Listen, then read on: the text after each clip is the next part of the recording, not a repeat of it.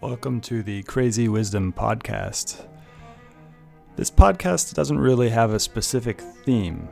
Uh, it covers a lot of my interests, it co- covers a lot of other people's interests. It goes into philosophy, spirituality, business, uh, how to live a good life, many different things. Ultimately, I don't believe in having themes for the things that we do. We can categorize the things, and obviously, we categorize things all the time. Uh, but I like to keep things open ended, a continuous process of discovering the truth as it is. Uh, and the truth is tricky because we can't really get to the truth uh, exactly because the truth is nonlinear. It is, in the words of John Vervaeke, combinatorially explosive. Uh, even the truth of this window that I'm looking at, the window itself, the glass that makes up the window is combinatorially explosive. The cup that holds your water is combinatorially explosive. You cannot model that cup totally in your head. You're only getting an image of it in with your eyes and your brain. That's not the actual cup itself. Uh, so this this show is a discovery of truth wherever it may appear by talking to people from various different fields. I've talked to artists, engineers, entrepreneurs, investors, uh, refugees. I've, I've just talking to anybody who has a glimpse into the truth. Uh, and through this conversation, through this mutual inquiry into what is true, what is real, hopefully we get to something that is helpful for to you.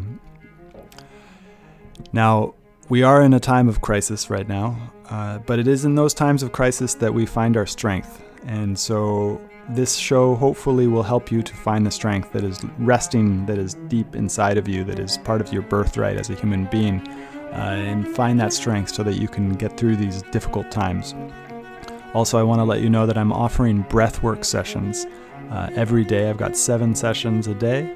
Uh, and really excited to bring this to people. People have been really enjoying it, and it has brought strength to people and courage. And, and that's my that's my goal is to help you find the courage to uh, not only survive but to thrive in the next couple years, maybe because this virus is not going away. Um, it, it, usually viruses come in waves. Uh, so this is the first wave. It will go away, and then it might come back. I'm not saying that I know for sure it will come back, but we are in this for the long haul. So this is a uh, marathon, not a sprint, uh, and I want to do everything I can to help you not only survive but to thrive. Uh, so. If you are interested in that, please find me on Twitter at Stewart Alsop III. My DMs are open. I'd love to hear about what you think about this show. Uh, also, it'd be very, very kind of you to both subscribe to the show on Spotify, Stitcher, uh, iTunes, many of the major pot plat- platforms. And if you're really feeling generous, go ahead and give a review on iTunes. So join me for the breath work. Just send me a message on Twitter at Stewart Alsop III with your email, and I'll add you to the email list where I'm sending out emails for the schedule. Uh, hopefully, see you there. Have a great day. Welcome to the Crazy Wisdom Podcast. My guest today is Matt Meyer. He is his recent claim to fame is that he helped the DoD certify SpaceX uh, in the first time that the DoD has given certification to a new entrant in 40 years. He's on the board of a new organization called Being Human Church, uh, which is a humanist church. And um, yeah, really excited to have you on today. Welcome to the show. Yeah, thanks. Thanks for having me. I've uh, been following you on Twitter. You're really all over the map on all sorts of interesting topics. Cool. And that's, and I, I think I have a feeling we're going to go into a lot of it here. And so I just, we just, I reached out to you recently and I've been wanting to, to talk to you anyway, but I've, I've, I've uh, reached out to you because you suggested a book called um, How to Be Invisible, which sounded like a really cool book. Uh, can you tell people more about what it is? Yeah, I found How to Be Invisible a long time ago. I think it's in like its third edition now. Um, and basically, it was like how this person continue your existence without being part of the net, basically, like off the net, off the grid.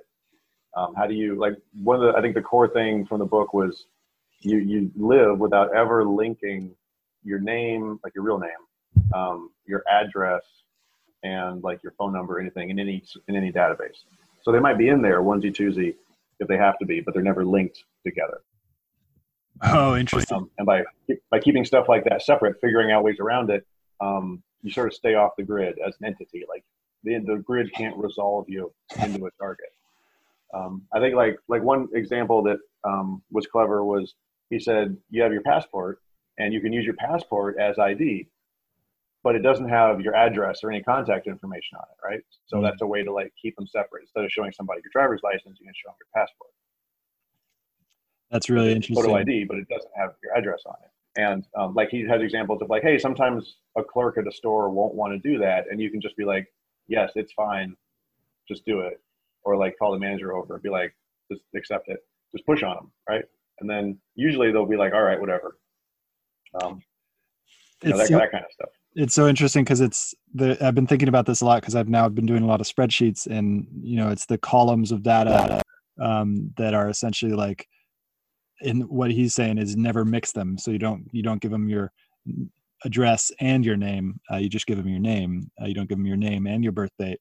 Um, and it's so interesting because we've got all this data about ourselves. And so basically according to that philosophy there's no way that i could go in and make that myself invisible. I'm i'm already tied my identity to so many different uh, sites and uh, email, you know, email, like all the things I've signed up for my email address. Like there's just so many things. Yeah. Um, well, you've signed up. I think the philosophy of it is you signed up an identity, right? Um, but you can just, roughly speaking, go create another one. There, there are limits on it, and like uh, I think the book is really about um, being a private investigator and how to defeat private investigators. the private investigators are the ones who go hunt people down through the grid, and he said that the like the first rule to understand is that there is no way to be permanently unfindable. Uh, if, if someone devotes enough resources and enough time, they will find you eventually, sooner or later. So it's a matter of like, how hard do you want to make them work for it? And when um, you like one thing he said was another thing that was simple was like LLC. So like don't own anything in your own name. Always have an LLC own something, and then um, whoa. That way, the uh, the LLC can be registered to whatever address you want effectively. He gave one example of like some people think, oh, why would I want to hide? I don't have to hide. I've got nothing to hide. I'm not. A, I'm not a criminal or something. And he gave an example of um, let's say you're driving down the street and you you you cut off a biker, and the biker gets super pissed about it, and then like notes your license plate down, and then goes back to his gang lawyer and tells his gang lawyer to look up your address, and then goes to your house and beats you up. He's like, stuff like that has happened in the past. And he's like, that's no fault of yours. You did nothing wrong, but having your information out there means some a bad actor can um, get some power over you. So if they look up the registration on the car and it's registered to some, you know, like a virtual mailbox somewhere, and they don't know where you live. Uh, so the LLC, the only problem with the LLC is is you have to pay like I don't know. It's from might have changed now, but I remember when I did an LLC, it's like 500 bucks to figure out everything. I think. Have, have you done an LLC recently? Yeah, in California, especially, it's they have an eight hundred dollar franchise That's tax, it. yeah, um, which is basically like a like a big fuck you. They're like, well, we're just going to charge you money for the existence of this entity, and an absurd amount of money too. It's not like an administrative fee or something. Yeah. Um, but then that's just California. Like plenty of states don't charge for their LLCs. I, th- I think I went through like LegalZoom and then I had to pay them $130 a year or something like that. Um, and but yeah, that's and that's and that was in Delaware, and so I could I don't think there's cost in Delaware, but I'm sure I could have figured out a way to do it without without doing all that. Oh yeah, yeah. The, the interesting thing about it is there's I don't know there's like all these gotchas basically. So it's it's kind of like hacking but it's you know hacking a mm. government and database kind of systems, right? It's like you have to understand the rules better than they do, so that you can um, pick and pick and choose your way through the rules the way you want. I tried to do that with the UCSB, the uh, UC Santa Barbara um, uh, regulations on uh, degree, getting a degree, and so I went to City College for two years, and then I transferred to Santa Barbara, which is allowed in the United States, not allowed very many other places. But I was able to go in as a with my two year two years to UCSB, uh, and then only do another two years. And then I figured out I could do one year of study, study abroad um, as part of those two years. So I only had to do one year at Santa Barbara, um, uh, and there are a lot of bureaucratic rules essentially to figure out in order to do that.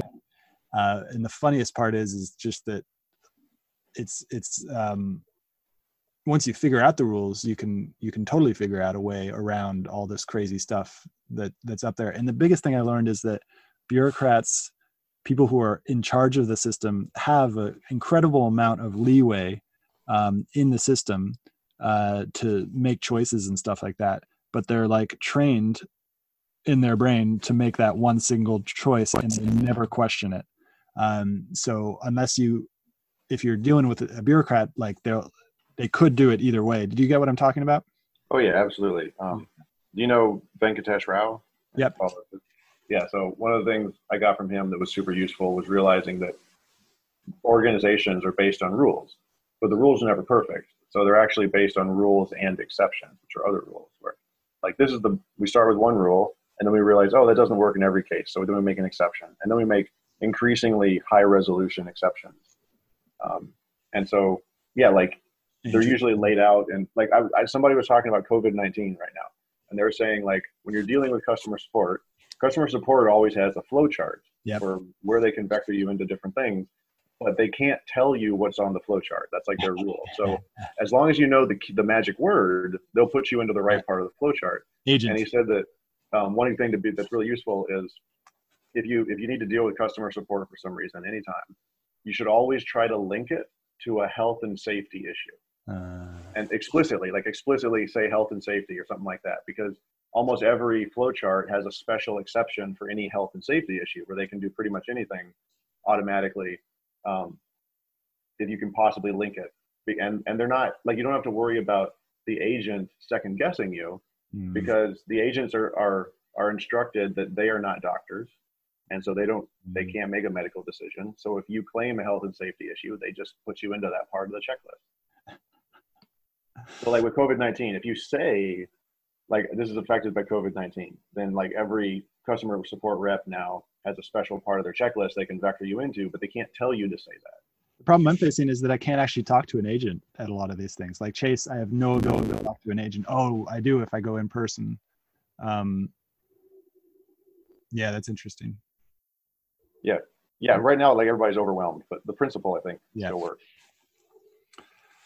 That's really interesting. And i i thought when you brought up the book that you were talking about um uh, getting off the grid and van like the actual electric grid and the the the um the electric grid the sewage grid the uh the food grid all those different grids. I'm finding that it's so interesting because there's no chance I'm, I'm there's no chance i'm going to get 100% off the grid as as we tweeted about. There's just like the supply chain for there's so much cool shit in our world like and there's so much in in order to be connected to that you have to be on the grid. Um but then there's this there's this new thought that i'm getting which is that you know in times of crazy economic times um people start to hoard items and hoard valuable items. So like some people think that the toilet paper is actually because it's a non-perishable good um, and so you can have a lot of it and the value of this non-perishable good will always be in demand. So you're not like so it's why not stock up on it?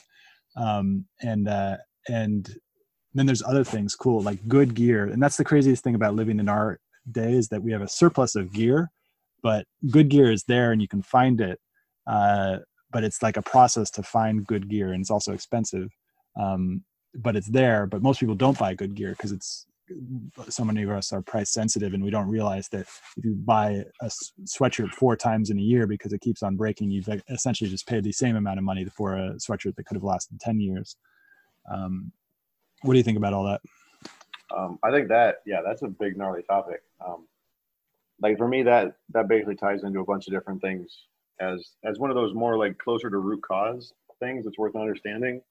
Um, and you explained it pretty well. Is uh, like the system. The, the thing about any system, like a basic root cause of any system, like we're we're we're, we're replacing all the natural like uh, happenstance, accidental things with deliberate systems, and that works really really straightforwardly the first couple iterations. You start systematizing things and it's all serving you. It's like we made this system to serve us. Mm, but after a, a bunch of iterations the system is its own pattern. And any pattern that wants to persist in nature has to have some element of uh, self-protection built into it. And the longer something persists the more likely it is that self-protection mechanism to be the primary purpose of the system. Because if it has any other purpose, it'll tend to disappear eventually for one reason or another. So the, if we want a system to be big and last forever, the problem is that the system itself has to prioritize its own existence. And that means that all the other priorities have to be two or lower, or two or higher. So um, you'll have stuff like uh, systems of say, Henry Ford wants to give everybody a car. Like I'm going to make a car that everyone in the country could afford. But after a while, it's like the, the things that make cars just want to keep existing. And they're like, we're going to make one that everybody can afford at first. And then we're going to make a ton of money off of uh, fees, interest, and replacement parts for as possible. So basically, they're not making you a car anymore. They're making you a liability. And they will be able to and like they're doing it for financial reasons. Like the system got so big that it's just a, a financial spreadsheet. And they're like look if we have you know 10 million people with this size liability that, that liability aggregates into this size asset for us because it's a claim on their cash flow and like it is no longer there to give you a car. That's not the point anymore. Now the point is that it's like a vehicle for financial investment. And that flows down to how the system works on a day-to-day basis. Like like people it um or wonder why we have so much food in our system, you know, in our food system. And it's for a variety of reasons, but one of my favorite ones um, that was explained by Dr. Sarah Taber on Twitter. She's she's really prolific. She's always worth following. Um, she explained that a big part of the reason, especially in America, we have so much crap in our food system is that it's not really food. What it is is that real estate has always been worth five percent per year um, forever for like thousands of years. Real estate has been worth five percent per year, and um, you do have to do something with it. But if you do something with it, it's five percent per year, um, and that's really consistent as a, as a stable investment for for lots of money. And so a bunch of the people in New York that have tons of money, you know, financiers, they need to invest in something stable. They bought land in like the Midwest that can grow food. And there's a lot of land, so you can put a lot of money into it. And it's like a stable 5% per year thing. But there's a problem with the Midwest in that it's super great for growing food, but only for a, for a few months. So you have to grow things really fast.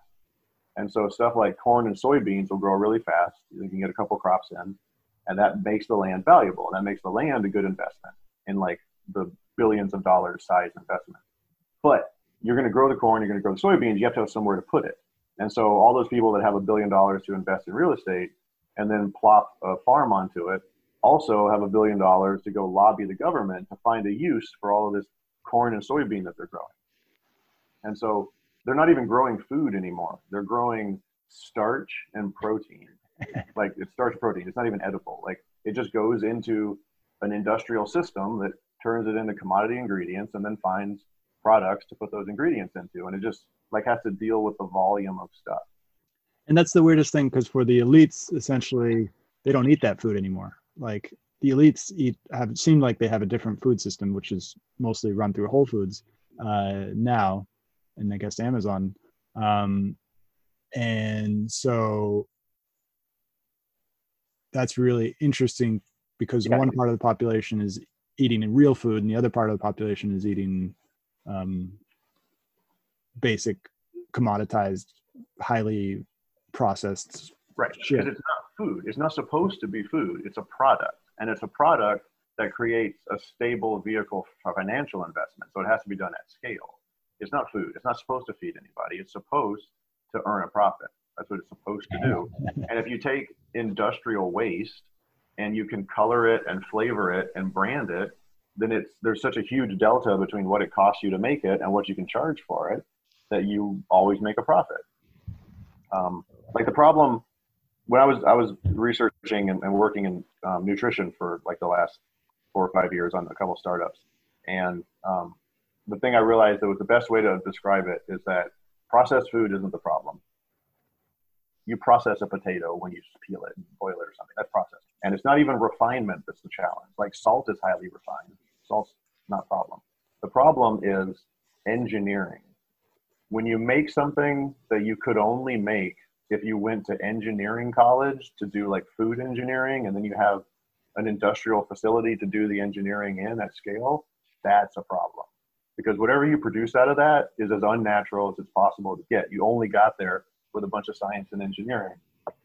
And then when you go, hey, we have this stuff left over. Uh, you guys want to eat it? And people are like, oh, hell no. And it's like, well, what if we color it and flavor it and spend a million dollars on advertising? Then do you want to eat it? And people are like, well, maybe. Then it's like, what if we lobby government to tell you to eat it, that it's super healthy for you? People are like, oh, yeah, yeah, I'll totally eat it. Sounds like a good idea. Um, like in food, they discovered that like like cornflakes were invented to stop people from masturbating, more or less and they were super boring. They were supposed to be boring. Bland food was supposed to re- reduce the energy that would make you masturbate, and um, they found out that it didn't last very long in the box. And some of the new people that took over the cornflake manufacturing found out if they covered it in sugar, it lasted forever because the sugar was a micro and moisture barrier and so on. So um, they didn't even add sugar to make it taste good. They added sugar to make it last longer in storage. And they found out um, that sweetened. It's basically a dessert for breakfast. And then they found out that their their sales were limited, and that was just when they were discovering vitamins. And they discovered that like the B complex vitamins, if you if you if, like if you fed corn to cows, the cows wouldn't eat the corn. Like they they they'd stop eating it, they'd get sick, and they they just wouldn't lose their appetite. But if you added B complex vitamins to it, they wouldn't lose their appetite, and they'd eat tons of corn, and they'd get really fat really fast. And so they added B complex vitamins to breakfast cereal because it increased appetite because it w- you wouldn't lose your appetite when you're eating the crap um, dessert and like it was one of the only times that industries ever lobbied the government to, to, to force regulation like the industry asked the government to create regulation to require you know b complex vitamins to be added to breakfast cereal like why what industry ever invites the government to create regulation for them and it's because they realized that if they added B complex vitamins to it, people didn't lose their appetite and they could eat as much of the crap as they could handle. Which is why fortified breakfast cereal is such a scam. Like they're not they're not adding vitamins to make you healthier. They're adding vitamins because otherwise you'll lose your appetite because it's not real food. Uh, it's so disgusting. It's crazy to think that that's what I ate when I was younger. That was like from the age of seven to the well, I mean maybe even earlier than that, like uh, to the age of nineteen I was eating shit yeah. like that, and yeah, me too. Uh, yeah, and uh, and I was I was I was overweight. I was 300 pounds when I when I was 16 or 17. Um, yeah. And then I lost it when I was 19 when I stopped drinking soda, and it was so clear that once I stopped drinking soda, nine months later I had shed 80 80 pounds, 70 pounds, like 30 kilos. I had something similar. Like I had to lose 30 pounds to get into basic training for the Air Force, and mm. um, I stopped eating Cheetos and Mountain Dew and ice cream for lunch, and like lost 15 pounds. And then I like exercised and you know ate whole food and lost the other 15 pounds. It was, it was like in two months. It was super fast. It was like, huh, maybe that was a bad idea. And so the and the advertising is so interesting because in some ways, like we need advertisement. If there were no advertisement, I would I would it would not be good for me. I mean, I don't have ads on the show, but eventually I, I, I do want to get some ads on the show.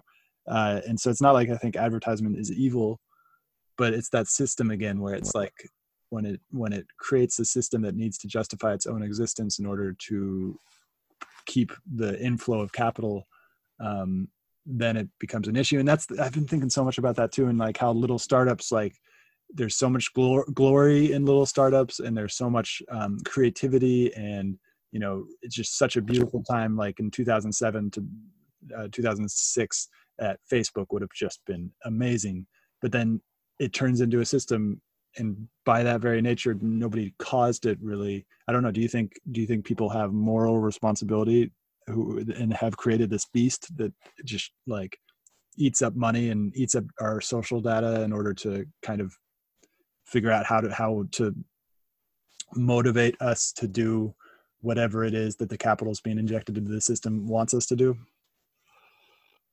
yeah, you mean Facebook specifically, or, or that? Yeah, I mean any of it. Uh, the process uh, under under which yeah. well, company goes from creative so the, cool. Yeah. The my thinking on the subject so far is that I assume that it's basically 99% certain in my mind that there will be such legacy sooner or later. The more the more we keep going in this direction, the more we get more complex and grow think that we're going to drastically change our sense of what privacy even means because um, just the, the, the you know like it's a bit of a cliche but the signal wants to be free. Like data and information and whatnot like once it's once it is connected and shareable um, it gets connected and shared. It just does.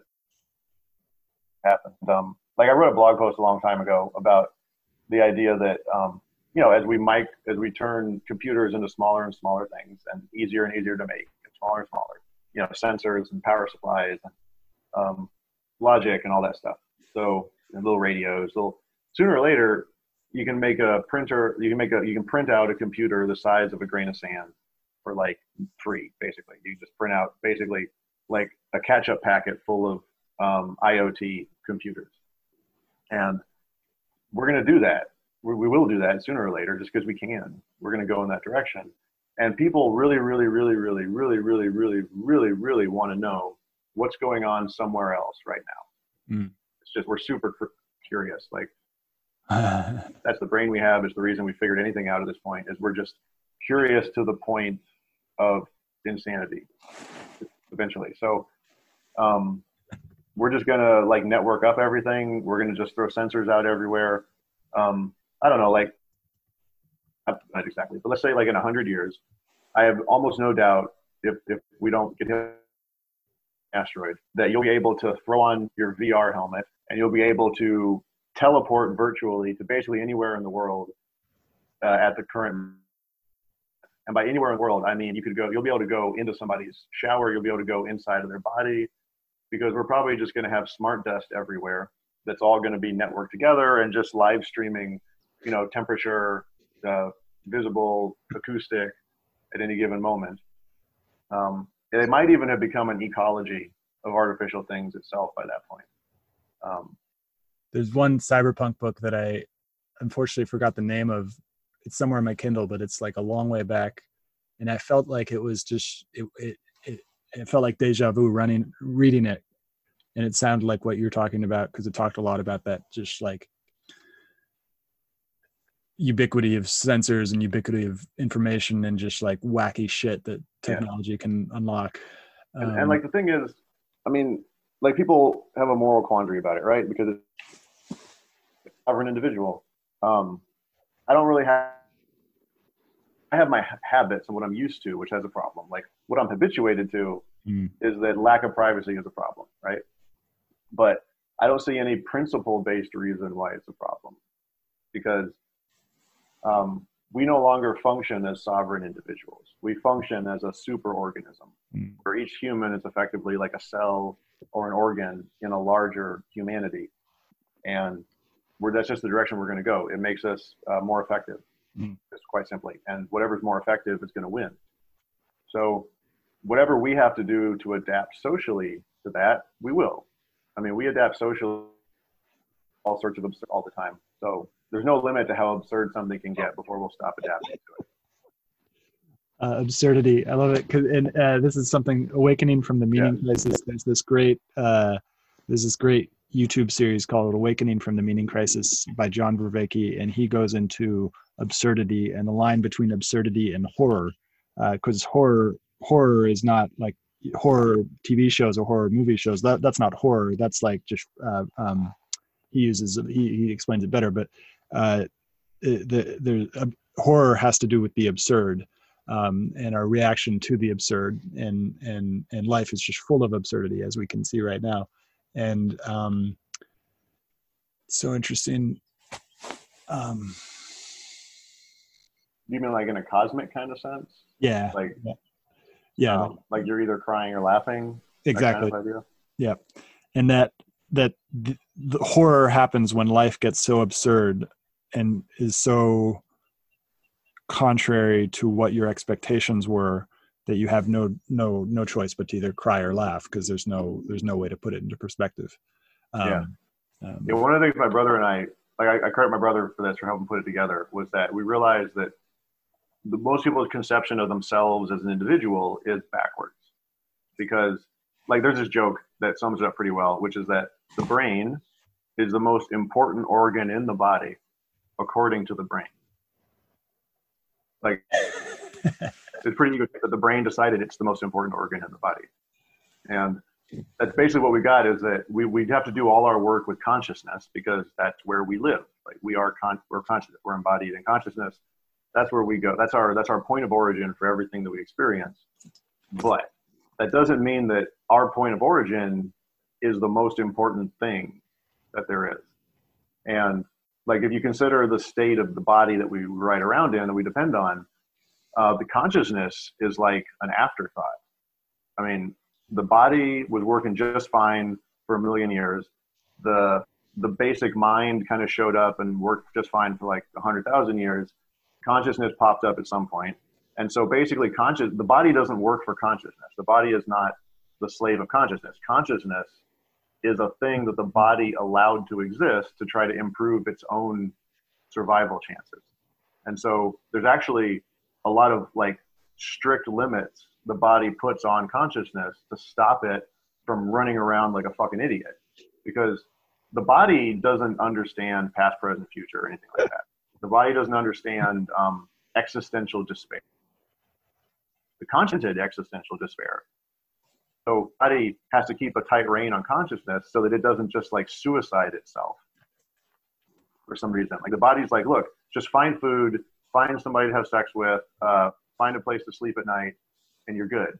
And just do a better job of that. Consciousness is really clever. Consciousness can How, incorporate way more information and it can use abstract concepts. So if you add the consciousness module to an animal, all of a sudden it's just infinitely more effective than it was before. Uh-huh. But it also opens up all every possibility, including like cosmic horror or existential despair, and it, it it allows you to like have some control over things and then also to decide that your life doesn't matter and you should kill yourself. But like the body doesn't kill itself. Bodies don't kill themselves. Um, that's like a consciousness thing. So, and so there's like limits. Body tries to put really hard limits on how far consciousness can go because consciousness is very you know fleeting and um, conceptual based and, and, you can just be totally disconnected from reality and unlimited um, yeah and unlimited right so there's a lot of uh, things unlimited that are dangerous that need to be. Yeah.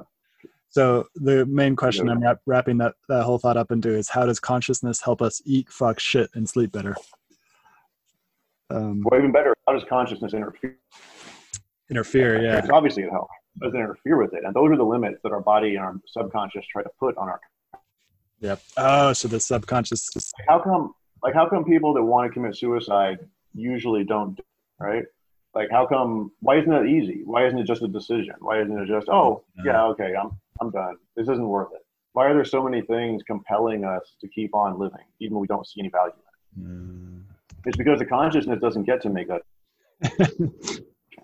Most people have themselves into suicide. They can't can't decide to commit suicide. They have to engineer the situation so they can't get out of it, mm. and then they can fully suicide. Um, like you know, if you fall, throw yourself off a building, okay, that's it. You know, the die's been cast. Now, when you change your mind halfway down, you can't stop yourself from falling. And then that was another point which is disappearing, which is, oh yeah, about the breath because you can't strangle yourself, because there's this stopgap in between that, and you'll just pass out first. Yeah. Um, yeah, like your your heart is never going to respond to a command to stop beating. unless you're a well-trained yogi in the Himalayas, or as the myth goes. Exactly. Like that's how dangerous. That's how that's how hard the limits on consciousness are. In that you have to devote your entire life to learning how to override the safety rules that your body put in place. You know, it's it's kind of like Isaac Asimov's three laws of robotics. Right. The, the rules are real, but he spent all the robotics figuring out how the rules could be could be hacked, gotten around, how they could be misinterpreted.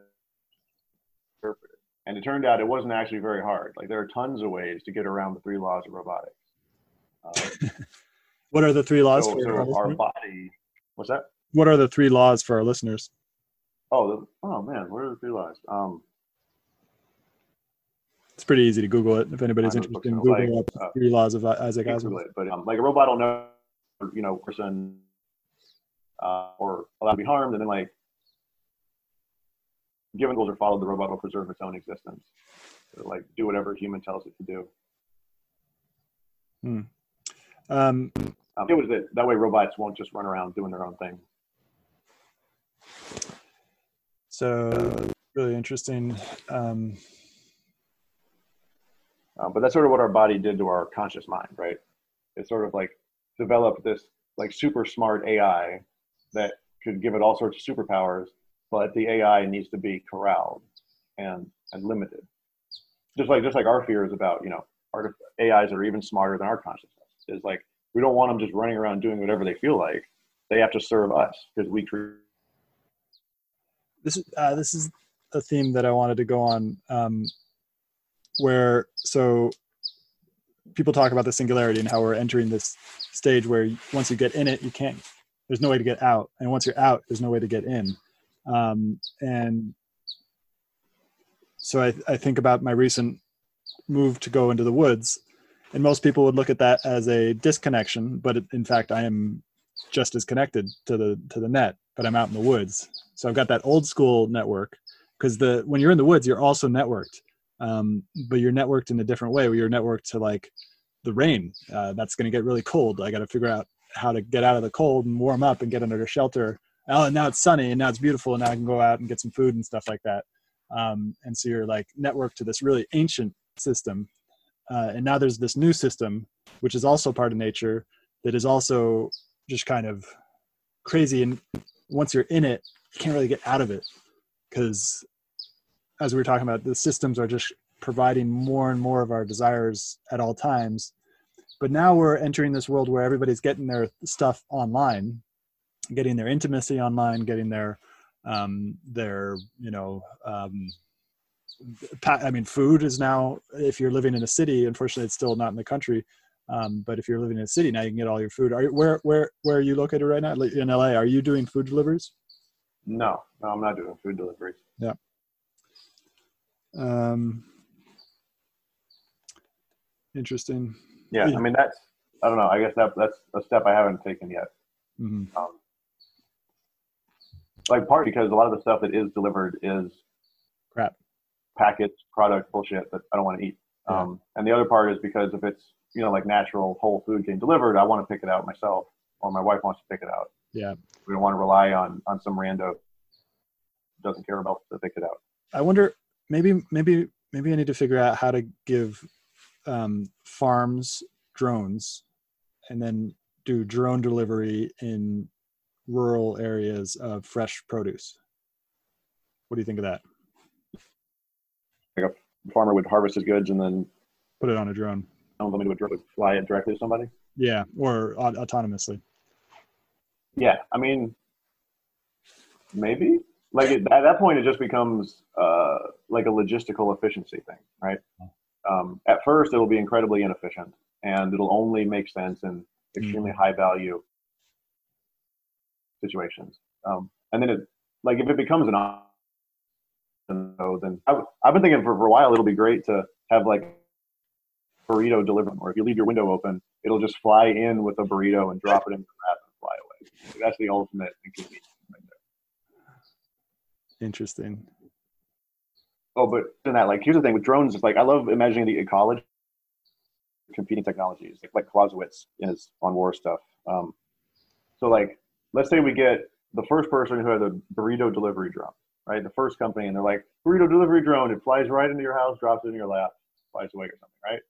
Um, that that'll usher in even more. Like Amazon will have package delivery drones, and um, everybody else having drones for things. It'll just become another channel of logistics. You'll put whatever you want into it, um, which means that you'll have all these little robots carrying around packages and basically unattended, right? They'll be autonomous. And there'll be too many of them to really keep track. It'll start being like packet switching in the internet or something. Mm. So then what if you have drone piracy? Like what if somebody has a, um, a, a net drone go up there and just harvest 20 drones and disappear and then just like flip through packages and some value, and valuable is there. And then you're going to have like pirate defense drones, like escort the other drones, um, because it's just really hard to keep track of what's going on in the vast sky with a thousand different little robots flitting through it. And that's the strange thing because we got the we got the virtual network that's happening right now, but what you're talking about is is that virtual network spilling back into the into the you know quote real world and yeah. and and that's going to be really interesting because I really hope it doesn't totally destroy nature. I, I wonder. I, I, hope there's a way that we can make these two systems work together, instead of one kind of just collapsing. Yeah. What, do, what do you mean by that? Can you, can you explain? Yeah. So so I found out yesterday that uh, it's illegal to fly drones in Yosemite Valley because uh, the drones disrupt weather, disrupt the patterns of local birds. Um, and so there's a lot of things that technology, when it meets, there's a lot of unintended consequences of deploying certain technologies in a wild environment. Um, yeah, what do you think of that? Um, yeah, I mean, I guess like I'm a I'm a systems engineer. That was my my degree was in systems engineering management, and like I've always that's just how I think about things in systems. And um, I know I no longer really think about side effects as being like as big a topic as most people seem to think they are. I think that like 99% of everything that happens is a side effect. Everybody has a thing they want to accomplish and then all the other things that happened, you know, because of it that they weren't trying to accomplish. They just sort of were part of the package, whether they knew it or not. So, like, side effects are kind of first class citizen in mind, in that there's the thing you want to accomplish, but that's usually the like the least important part from a systems point of view of what's going to happen. Um, it's going to be all the side effects, and um, I don't know. Like, I think what's happening is we're basically applying that of like improving things and, and creating more options to increasingly high resolution aspects of reality. And the like back in the day, if you wanted to move something, you had to build a fucking train, man. Like and trains are huge and they're heavy, and that's what it took to convert energy into locomotion. Um, and now we've got like batteries, motors, and we can have a little drone that can do the same thing, you know, almost quietly, almost silently. Um, and we'll just keep defining it, and we'll keep more and more and more and more and more options at, at every level of resolution for every possible combination of constraints, and it'll just get more and more and more and more and more complicated. There'll just be tons and tons of options. There'll be a whole ecology of technologies. so, okay, so now I can refine the question a lot more. Um, so, if we go into most urban environments, I would around the world. If we do if we don't limit it only to developed countries, if we go into most urban environments, those environments are, and this is a subjective for me, but I'd also assume that given the choice, that other people would also make the the that subjective opinion is that they're ugly and they're dirty and they're disgusting and and um, like Lagos, Nigeria, uh, Bogota, Colombia, uh, Mexico City. A lot of parts are parts of those places are very beautiful um, but for most people living in those places, it's d- difficult and challenging and, and disgusting and, and uh, polluted. Um, and then when you go in the country, it's wild. It's not, it's not great. You know, they're, they're, I mean, it's not great all the time. There, there are times of extreme challenge as well. Um, but it's something keys into you in a way that is very ancient and old. Um, and, and, and the, the, the place where we spent millions of years evolving in. Um, and when we see urbanization, we see that get destroyed or replaced unless we think really hard about it and put a lot of resources into it. And so, what I worry about is that happening, urbanization happening all over the world, although that hasn't happened. But now I wonder about coronavirus and whether people will move to the country, but I don't think that's a given either. I've actually thought about it the opposite maybe too is that it becomes very very difficult to live in rural environments in a world that is um, uh, has pandemics, repeated pandemics. Um, what do you think about all that? Um, yeah, I think that's a really fascinating topic. Um, I think that roughly speaking, like the the the thing is that there are um, like I think of okay, so basically when I think of technology these days, the when and I try to simplify the concept of technology and systems and uh, engineering and all that down to the simplest possible concept. It would the, at the root of it for me, the simplest concept is like a rock falling off a cliff.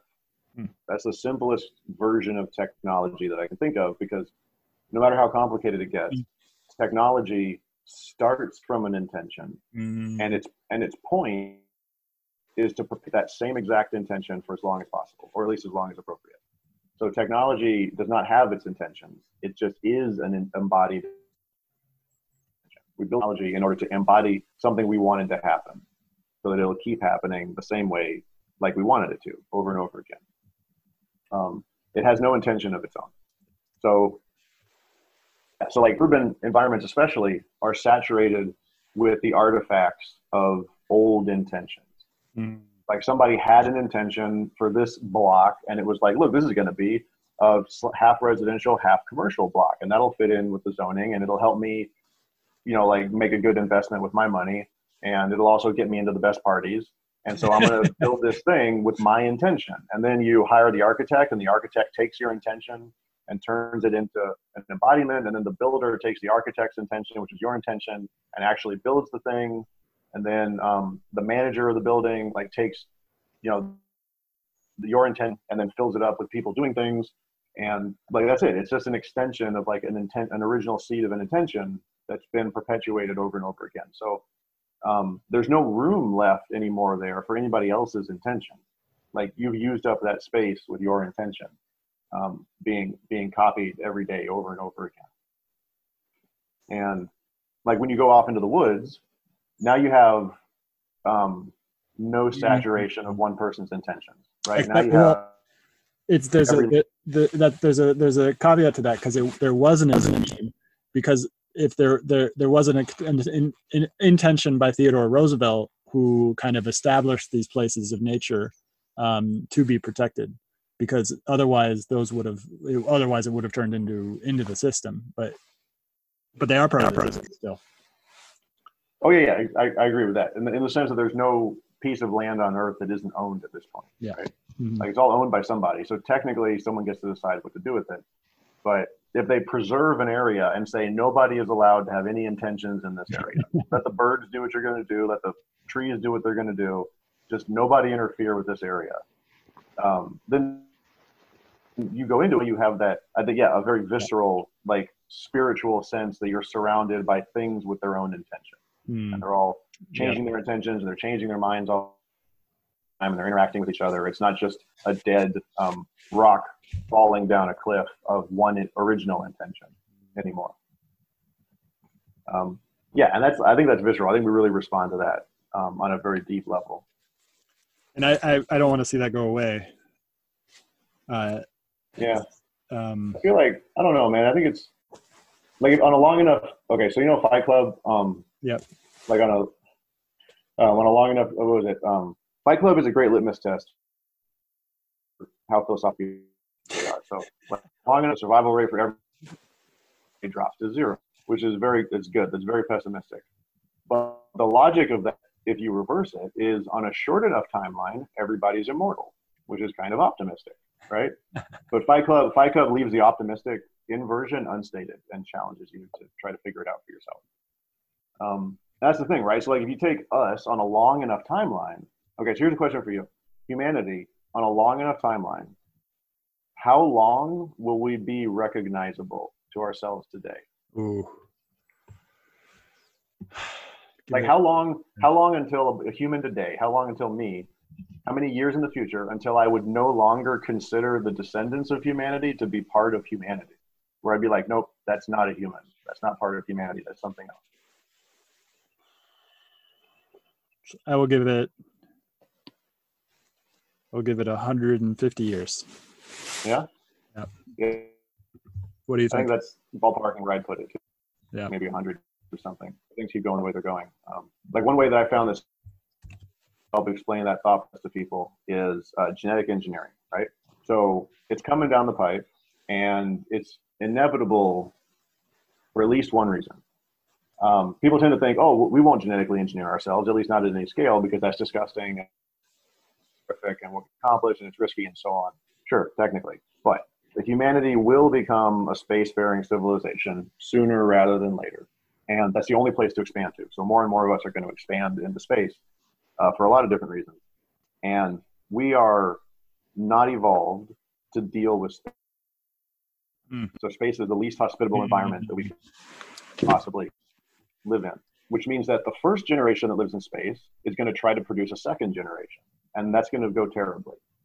And then they are going to immediately start genetically engineering themselves and their kids. Like it won't even be a, they won't even have to talk about it. They'll be like, how fast can we get that genetic engineering stuff going? Because the only way to produce a healthy second generation will be engineering them again and again and again. In the same way that we're now reacting to coronavirus, like how quickly could we get a vaccine? Exactly. Uh, yeah, it'll just be obvious. Like when you try to reproduce space, you're going to immediately uh, dump money into your genetic engineering program because it's going to be the only way to produce healthy babies. And then the only for those babies to produce healthy children is to engineer the fuck out of them. Like it's going to happen fast once in space. But the fun thing is like there's going to be an increasing spread of humanity. It's not going to be everyone's going to everyone's going we're going to in a 100 years we'll probably have people living in space colonies who are hard to recognize as humans and we'll still have like African bushmen grinding grain on a rock that they've grind grain on for the last thousand years. We'll probably have both of those at the same time. Well, and and and this is what I've been thinking recently is that unless there's a there's a cataclysmic event, um, and and and and there could be a timeline under which there is a cataclysmic event and we see an acceleration of the process that we're currently undergoing which is everybody moving their consciousness online. Um, and i don't know what that looks like but uh, it, it, seems to be the beginning of, of, of that right now where m- most people are getting their social needs met online which is a profound shift in the in the the consciousness the meme space of of humanity. Yeah um, uh, okay, I actually have some strong feelings about that one. Sure. So the more I work on it, the more I feel like this is. I mean, I'll be trying it. Um, we're going to keep trying to make it work, but it is never going to work. Mm. Like it's just never going to work. It'll, it'll only ever work for like a little sliver of what we need. Um, and we'll keep trying it. We'll keep trying different things. We'll figure out exactly how much of it we can do online, how much what we need, but it'll never be in close to 100%. Um, because there's a just, hard block. We just embodied, don't work that way. Embodied like, consciousness is not, yeah. it's not possible for embodied consciousness to be transplanted into a piece of technology. Oh, no, no. I, I didn't mean like the technology, the tech challenge, like hosting consciousness on silicon. What I meant was, um, as a human, uh, moving things that we need to be delivered digitally, right? Like oh. I can talk, I can talk to you over digital systems, I don't have to travel to where you are. You don't have to travel to where I am, right? Um, that's great, and it sort of works um, for certain things, but it'll never work for everything. And we'll spend our a bunch of time trying to figure out exactly what it works for and what it doesn't work for. Um, and personally, I'm suspicious of the idea that we can move our consciousness into the digital realm. Yeah, it's because it's not. It's we don't even know what uh, consciousness is nor what it does. Um, so yeah like to well i don't know like the first thing is even we wouldn't know if we had done it because we don't know we don't have a litmus test for whether something is conscious or not. And um, assuming we do it and don't know it but let's say we do it uh, the first thing is like it wouldn't be moving our consciousness. It would be creating consciousness that was inspired by an old consciousness. Yep you know, it'd be like a movie where they're like, this movie was inspired by, by current events. And it's like, well, inspired is a very loose term. Yeah. Um, yeah. And then, I mean, we'll, we'll, we'll experiment with that too. Um, I kind of doubt it's going to work for some, like, I feel like we probably just don't have a complex enough substrate to host a consciousness. Mm. Like, I, I don't know about it. I, I'm sort of at this point, I assume it's probably a complexity problem. Yeah. Probably just a process, something that is complex enough to be conscious and we probably can't build that yet. Um, so there is a lot more we can talk about, but uh, I have to have to sign off pretty soon. But there and so we'll take a couple more minutes. There's a lot here. Can you explain more about what it was like to uh, help the DoD certify SpaceX oh, yeah. the first time? Yeah, man, I was I was active Air Force up to like 2017, and um, was thinking about getting out for a long time before that, anyways. Um, actually, one of the things that started me in that path really was uh, the Gervais Principle by Venkatesh Rao. I highly recommend. Anybody who enjoyed this conversation should read that entire thing. I think they'd enjoy it. The Gervais Principle. It's, it's long. Um, and then I was uh, helping to certify SpaceX to be a new, the first new entrant for the DoD to launch uh, national security satellites. And so I got to see this contrast. I went back and forth between the government and the way they did things and SpaceX and the way they did things. And I got to see meetings where Elon Musk and his team were in the room with you know the general, the three-star general in charge of the Air Force uh, team, and then that, that whole team with contractors and active duty military and government civilians and all that. And what it stood out to me was that um, the government would always call on whichever member of their team was supposed to talk about that topic. And then Elon would just talk. And he hardly ever asked anybody in his team for anything. They were just there. Um, and like he would talk to every single person on the government team about whatever their specialty was, like intelligently. Like he wouldn't just like hand wave it. Like he would go into detail on whatever it was they were talking about. And then he'd talk to the general about the overall budget and um, the timeline and so on. And I was just like, that is amazing. And then um, there was this one event that really kind of sealed it for me. That gave me like a, a tangible manifestation of what I was thinking about. Was uh, it's a big room with a bunch of people in it and a bunch of people calling in. And so somebody had their mic open on the call in, and it was just whoosh, whoosh, whoosh, in the room, and nobody could talk. We couldn't have the meeting. And uh, you know, they shouted at the person, but they didn't turn their mic off. So they told the tech guy to go in the back and find that line and mute it manually. And while they were waiting for that, they couldn't do the meeting. So everyone was just sort of left with their own thoughts. And uh, the general is looking up at the ceiling and he's like, when you find that line, find out like which command that's from and find out who it is, and we're going to get them extra training to make sure this doesn't happen again. And Elon's staring at the ceiling too, and Elon goes, "Why don't conference lines just default to muted?" and I was like, "Fuck, that's it. That's it." Like, you have this person who made their living in the government, and their like root solution to any problem is to get more people and get them better trained. That's their thing. And then you have Elon, who made his um, success out in the you know rough and tumble world of startups and business.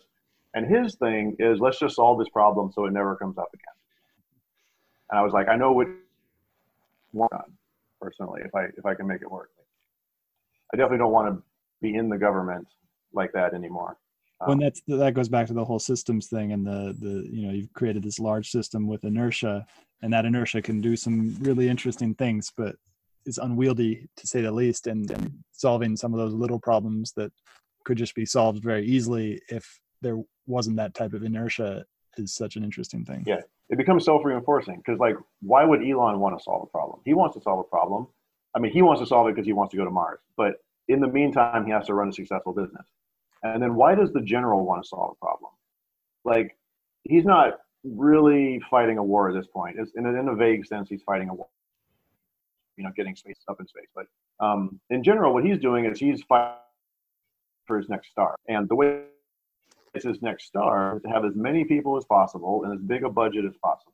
So he doesn't want to solve problems. He wants more people. And people well trained and look good when he puts them all in a room together and when some when they do jobs for somebody else. Like his incentives are just different. It's a very good point. And I mean, the strange thing that's happened in the startup world, maybe you've seen this over the past uh, five to ten years, is that there was a point at which, you know, it was a bunch of nerds who were just doing their thing, nerding out, making a bunch of money, but not enough money to really take them any seriously, and the technology wasn't like really widespread. And then all of a sudden, it got really widespread, and then we put everybody's fucking Facebook profile on, and then they made a movie about it and then people started crowding into the startup world from all these other sectors and and it wasn't just a bunch of nerds there was a, a lot of people who were um, good at playing that type of game that the general is good at because they're realizing that in the next hundred years where is the major growth going to be it's going to come from technology um, and uh, and recognizing that and seeing how they can get their piece of the pie too um, yeah. I, I agree i agree mostly with that but i that's like a that's like a paper two, I think, of what happened. Um, like it, the the history of Silicon Valley is that it actually started because of DoD contracting. Mm-hmm. It was set up in order to get um, big, difficult mm-hmm. technology problem solved, and uh, that's what started all the VCs. That's what started the the ecosystem. That's what got it off the ground. Um, you know, just like the internet. The internet started as a as a military, as a government project. The highway system started as a government project. That one is so interesting, the highway system one, because Yeah. it's so beautiful. Like we have such a cool highway system in the United States. I've driven in all over the world, Mhm. And in the United States, particularly the Western United States, is just a thing of beauty. Yeah. Um, so super cool. useful, right? Yeah. Yeah. But but we did that in order to quickly be able to crisscross our country in the event that we were invaded on two coasts. Yeah. Like that's that's why we built it in the first place. Yeah. Um, and that's one of the things like about coronavirus. Like I'm actually okay. I don't want it to sound like I'm excited because I'm not because it's bad. But um, this whole like pandemic, like we've we've known for a long time that the most likely thing that would ruin our civilization would be a pandemic. So it's the most likely threat, plausible threat. Um, so it's actually lucky for us that the first really big one isn't particularly deadly. Yeah. Like this one doesn't create zombies. This one doesn't kill 50% of the people that get it. Um, it's like, it's relatively light. So us having to deal with it means that we can maybe be a bit inoculated against the next one. Because now, yeah, yeah, like Asia, Asia is inoculated against them because they've dealt with them so many times. Um, yeah, but inoculated in a systemic sense, not like in yeah, the- biological sense. Yeah. and that's and that's Um, but and that's what I was saying is that like Taiwan is is is doing what they're doing because they've dealt with it so many times. Yeah, yeah, exactly. And so what it's doing is it's shaking out all of the old leftover stuff in our systems. Like we have, we still have tons of people who have never tried to do remote work. Hmm. You know, they just they're they're 60 years old. They're like, I've I've always printed things and I've always done handshake deals and that's how I'm going to do it. And they've just never learned email or something. Um, like a bunch of our representatives, chuckleheads, like don't even use email, um, but they'll make laws about email. So like the point is like this is forcing almost everybody to at least try it. Mm, Like everyone all at once. And it's gonna like I think like I suspect that you know it might be the seed of like actual automation taking over jobs. In that a lot of these companies can't survive, you know, three months without cash flow, let alone six months or nine months of reduced cash flow or something. They just depend on it. So a lot of companies are going to disappear, and the scraps will get bought up by financiers because they now have access to unlimited government money for zero percent interest. mm, So that's going to cause a lot of aggregation and a lot of uh, centralization of business activities, and it's going to be bring a lot more of what was diverse under the control of individual intentions, like financiers, and they're going to look at it and go, "Huh, what can I do with a bunch of money that'll make me more money?" And you can buy capital. Capitalists love capital, and they don't like labor. They love capital because capital is something you can use, buy with money and then it keeps making more money and it doesn't involve strikes ever. Like robots don't strike.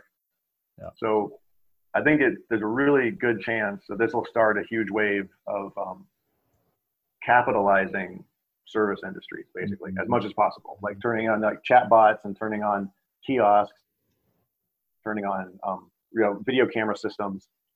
Yep.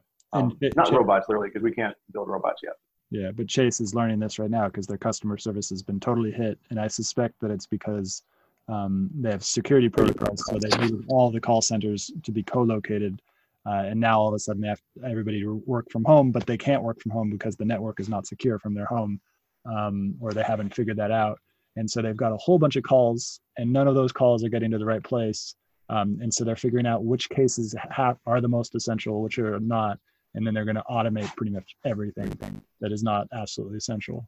Um, Yeah, exactly. It's going to drive just it's going to drive all of the investment or a lot of the investment that could have been done into automation, but mm, there was no particular need to.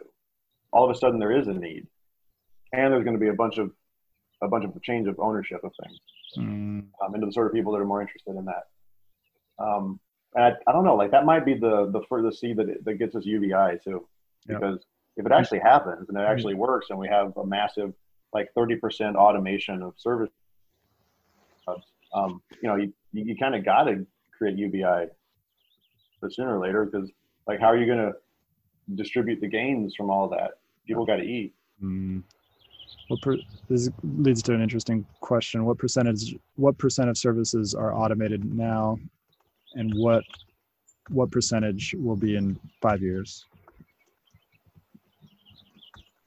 Um, so yeah, I mean, yeah. Um, so I gotta wrap up, but this was really cool. How can people find out more about you and what you're working on? Oh, um, I'm on Twitter a lot at uh, at that Matt. So like A T T H A T M A T. It's great, great name. Um, okay, cool. Thank you so much for coming on the show, and uh, talk to you soon. We should do another one of these definitely. Yeah, thanks for having me. I look forward to it.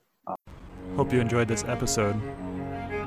I'll be publishing episodes every Monday, Wednesday, and Friday in the morning. If you did enjoy this episode, please find us on iTunes, Spotify, Stitcher, many of the major podcasting platforms, and go ahead and give us a review. And also subscribe. And as always, I'm on Twitter at Stewart Alsop III. Come join the conversation as we aim towards the truth. And funny thing about truth is that you can't really put it into words because every time you put the truth into words, you create a linear narrative out of something that is non-linear. The truth is non-linear. It's not. It's. It's. If you really recognize the truth right now, your mind wouldn't know what to do. It'd be overwhelmed by beauty and pain, or it's. It's something that is beyond our linguistic capability to represent but that doesn't mean that the language isn't helpful. Language can point us in the direct right direction, but it's it's not it's not the truth itself. And so come join this collective inquiry into the truth.